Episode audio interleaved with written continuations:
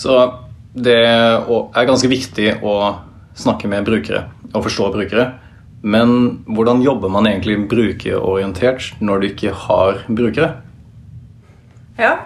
Hvordan vet du hva som overlever når ingen parer seg, liksom? Er det Ja, hva sier revolusjonsbiologen? Ja, nei, da, da går det gærent. Da. Nei, du, da, da kloner du deg selv, faktisk. Så det, det, ja, ja, det går an, det òg. Ja. det ment. Men det gjør Det, det, jo selskap! det, det skjer. Det er jo innenfra og ut-blikket, det, da. Jeg ser på meg selv, og så bare putter jeg meg selv ut der. Ikke sant? Og så håper jeg det funker. det, det funker veldig bra så lenge stab miljøet er stabilt. Så hvis du har en design da, som er eh, altså selskapsdesign og en, en forretningsmodelldesign som funker, så hvorfor forandre deg? på en måte? Og da, da vil dyr, eh, dyr som kan veksle mellom paring og, eller kjønnet og ukjønnet formering, de kloner seg selv bare når, når oppskriften eh, sitter der. Ja, det, det er nettopp det som skjer med de der lizardene i den ørkenen der, som bare er eh, kvinnelizards Ja. fordi de kloner seg selv. Aha. Helt til miljøet skifter, og da produserer de sønner. Ok, Så det vi sier da i vår bransje, da, er at Vent litt, så produserer vi sønner automatisk når miljøet forandrer seg? Ja, nei, men noen arter gjør det. Det- arter. Jeg vet ikke om det gjelder akkurat det de Nei, ok. tenker på. Men, Nei, jeg bare tenker bare liksom drar det over til vår bransje. da, så Det betyr da at hvis et selskap lever i en ørken, så kan de egentlig fortsette å klone selv. ja. Det er egentlig testen da, er lever i en ørken eller ikke. ja, ikke? Er miljøet stabilt? Og det, det er jo en bra analogi. det. Altså Hvis du er nødt til å finne opp nye ting, hvis du er nødt til å finne opp uh, virksomheten din litt på nytt, så, uh, så begynner du med litt mer utforskende eh, virksomhet. Du, trenger, du må finne opp deg selv litt grann på nytt. Og eh, jo, det som er interessant her, da, det er, jo, det er jo at det er mange virksomheter som ikke har sluttbrukere selv. Eh, Du kan levere noe altså om det leverer deler til noen andre som produserer noe annet, eller, eh, eller bygger infrastruktur. Ja. ikke sant?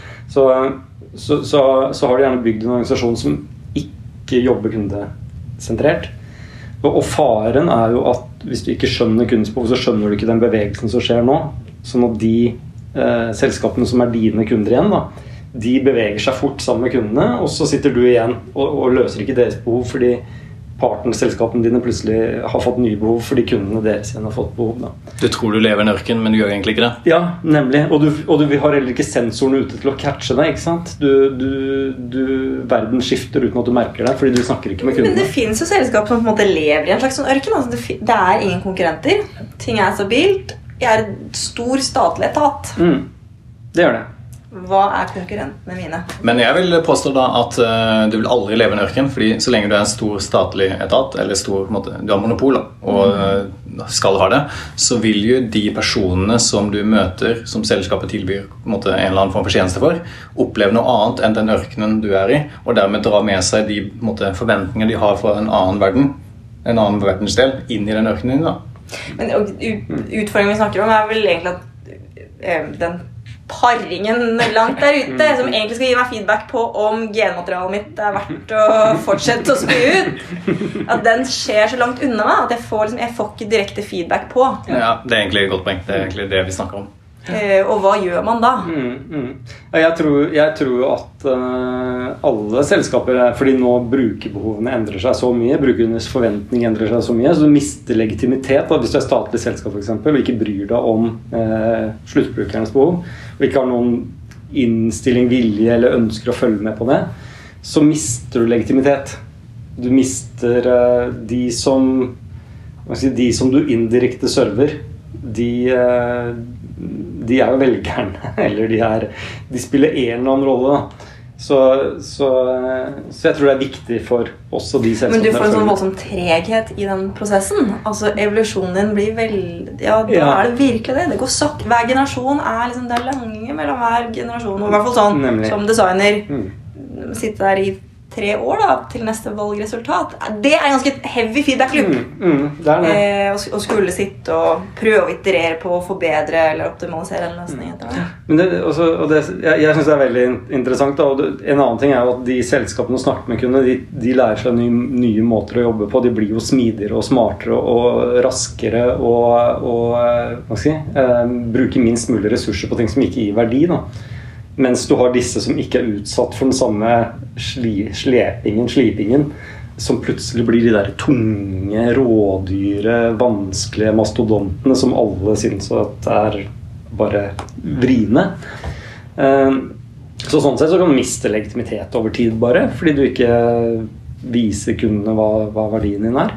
Men, eh, men, det andre er at hvis du, hvis du er underleverandør da, og ikke skjønner hvordan din, dine kunder beveger seg sammen med sluttbrukerne nå, så, så mister du business også. Du, du, blir plutselig bypassa. Og, og jeg, her tror jeg det er masse muligheter for ny metodikk. Det er mange måter å jobbe med dette på som gir verdi selv om du ikke skulle levere noe til sluttbrukeren selv. Uh, og Et eksempel er at du kan sette deg ned og kjøre sånne brukerreiser og, og, og brukerbehovskartlegging sammen med de partnerne dine eller med andre selskaper. Ja.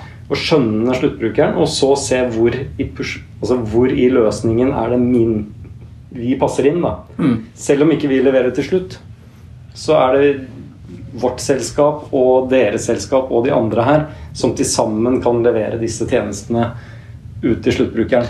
Og det har jeg også opplevd altså, i brukerdefinisjonen. at Det er jo også en modningsprosess. altså i, i all den tid Nå har selskapet blitt mye mer bevisst bevisst med brukersentrering.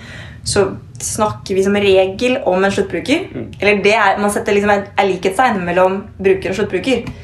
Men et selskap som leverer API-er, f.eks., det er tjenesten min. Mm. Da er brukeren din noe annet enn sluttbruker, og det er også lov. Mm.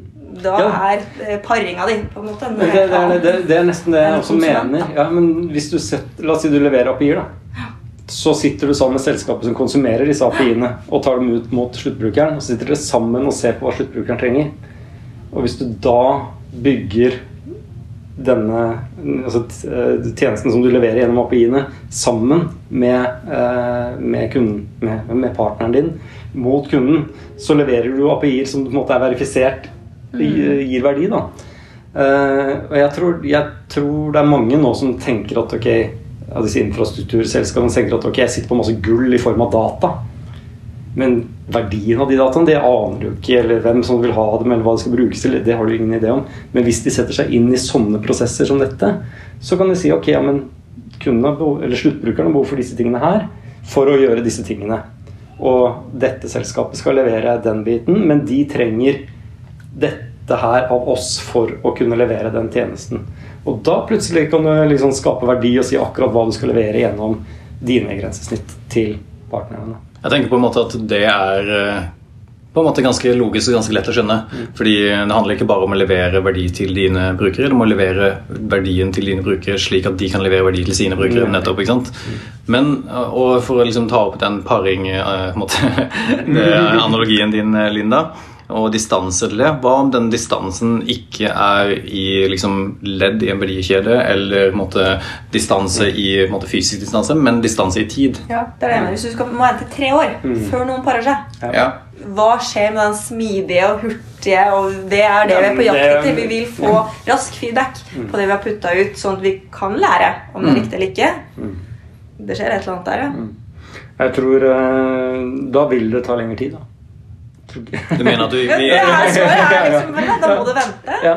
Og enda verre, da. Hva hvis du er så stor aktør at du kan skape behov? Mm. Jeg hørte et, et interessant poeng i et, eh, i et, foredrag her for ikke så lenge siden om eh, liksom en annen side av det her. Det mm. der med å nettopp putte ut ting som egentlig ingen har bedt om. Mm. Som du vet ikke er et behov i dag, men som du likevel vil liksom opparbeide deg lærdom om og hvor hardt det er å stå i i en sånn brukersentrert verden, så er det mm. helt counterintuitivt. Mm. Men det er jo helt vesentlig for å kunne innovere og fornye seg selv. Men da tar du vekk hele den der Ja, jeg vil verifisere verdien av det jeg lager, mm. ved brukerfeedback. Guess what, Markedet er jo ikke moden for det, så ingen vil egentlig ikke ha det. Så feedbacken din er egentlig Nei, det er jeg ikke interessert i. Det er ikke interessert i. Og det kanskje det er i ti år.